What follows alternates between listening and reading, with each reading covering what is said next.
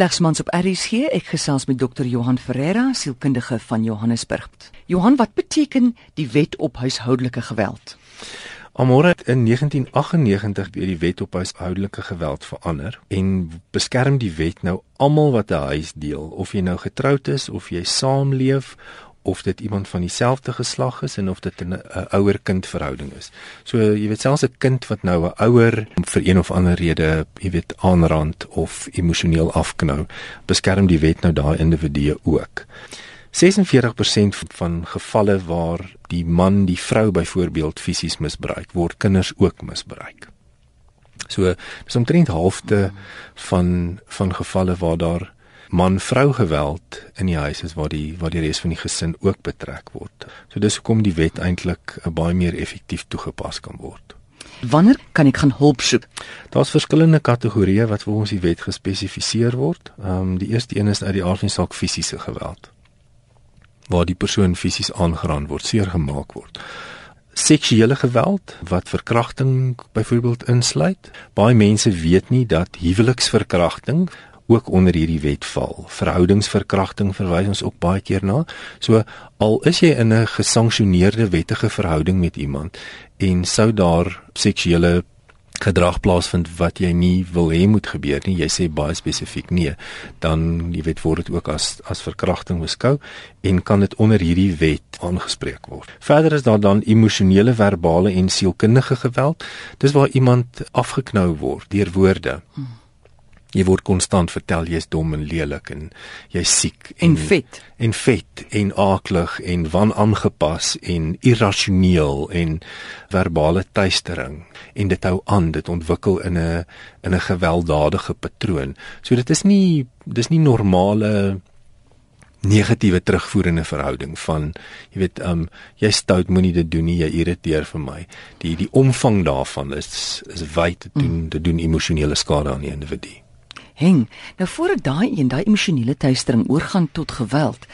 Waar kan mens vir so iets gaan help soek? Wie gaan jou daarmee help? Uh, die eerste mees logiese ding is nou maar om om met die persoon daaroor te praat, 'n familielid wat jy vertrou moontlik om um, daarvan te vertel en dan om professionele hulp te gaan soek. Die dilemma is as die oortreder nie insig daarin het nie, dan dan is hy um, of sy natuurlik nou 'n verskoning hoekom hulle dit doen. Um, hulle projekteer maar gewoonlik en sê maar dis omdat jy vir my irriteer of jy hou nie op met wat jy wil doen nie.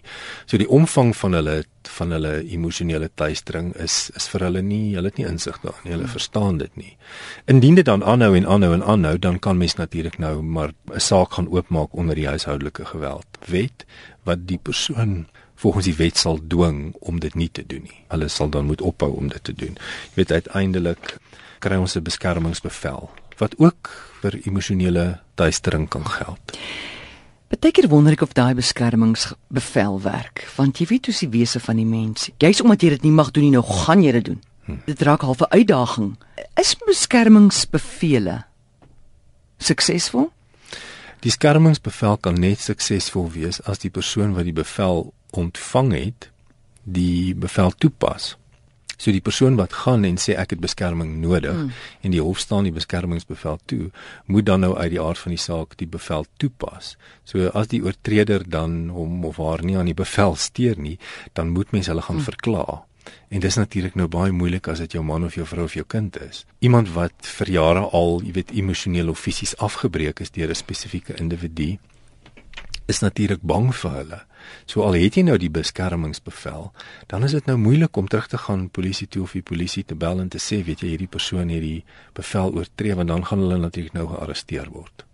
Daar's 'n gesegde wat sê gewonde mense wond mense. Het jy dalk 'n boodskap vir mense wat ander mense tuister op die oomblik, mense wat ander in hengse pyn sit? Die mees effektiefste raad vir daai individu is om te gaan kyk na waar jou eie pyn lê. Wie het dit met jou gedoen? Wie het jou laat hulpeloos voel? Wie het jou mag van jou al weggevat? Dit kan gebeur het toe jy 'n kind was, dit kan jou ouers wees, dit kan 'n onderwyser gewees het, dit kan 'n broer of 'n suster gewees het, dit kan jou bediende gewees het.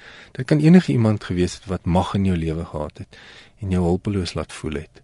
en nou projekteer jy daai hulpeloosheid op jou gesinslede en eintlik doen jy maar aan hulle presies wat aan jou gedoen is. Jy weet natuurlik hoe dit voel. So om maar te gaan hulp soek sodat jy kan ophou daarmee. So gesels dokter Johan Ferreira, sielkundige van Johannesburg.